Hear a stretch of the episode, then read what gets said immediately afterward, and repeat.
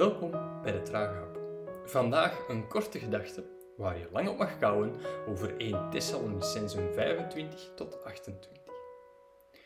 Met nieuwjaar of met verjaardagen wensen we elkaar vaak zoiets als een goed jaar of gelukkig jaar, wat dat ook mag betekenen.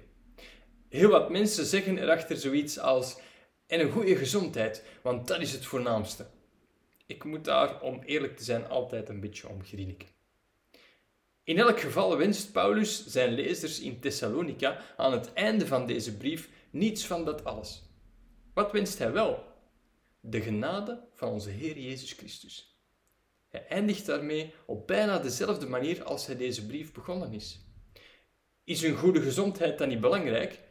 Jawel, maar er is meer in het leven dan dat. De genade van onze Heer Jezus Christus. Genade betekent welgevallen of gunst, woorden die we eigenlijk nauwelijks nog gebruiken.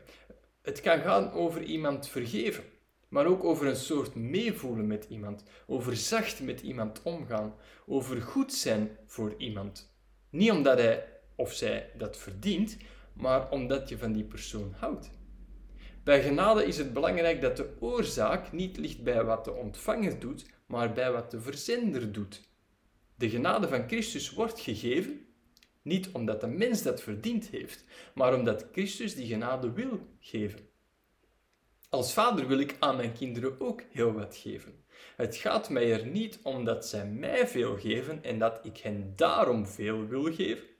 Het gaat er niet om dat zij het verdiend hebben, omdat ze zich ingespannen hebben om iets te bereiken, maar gewoon omdat ik hen lief heb, wil ik hen het goede geven.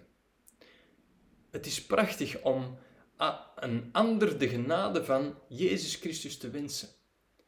Wat die genade precies inhoudt, ik zou het u willen vertellen in twee minuten, maar ik weet zelf nauwelijks hoe breed, hoe diep en hoe hoog het gaat. Ik hou er maar verder op. Smakelijk.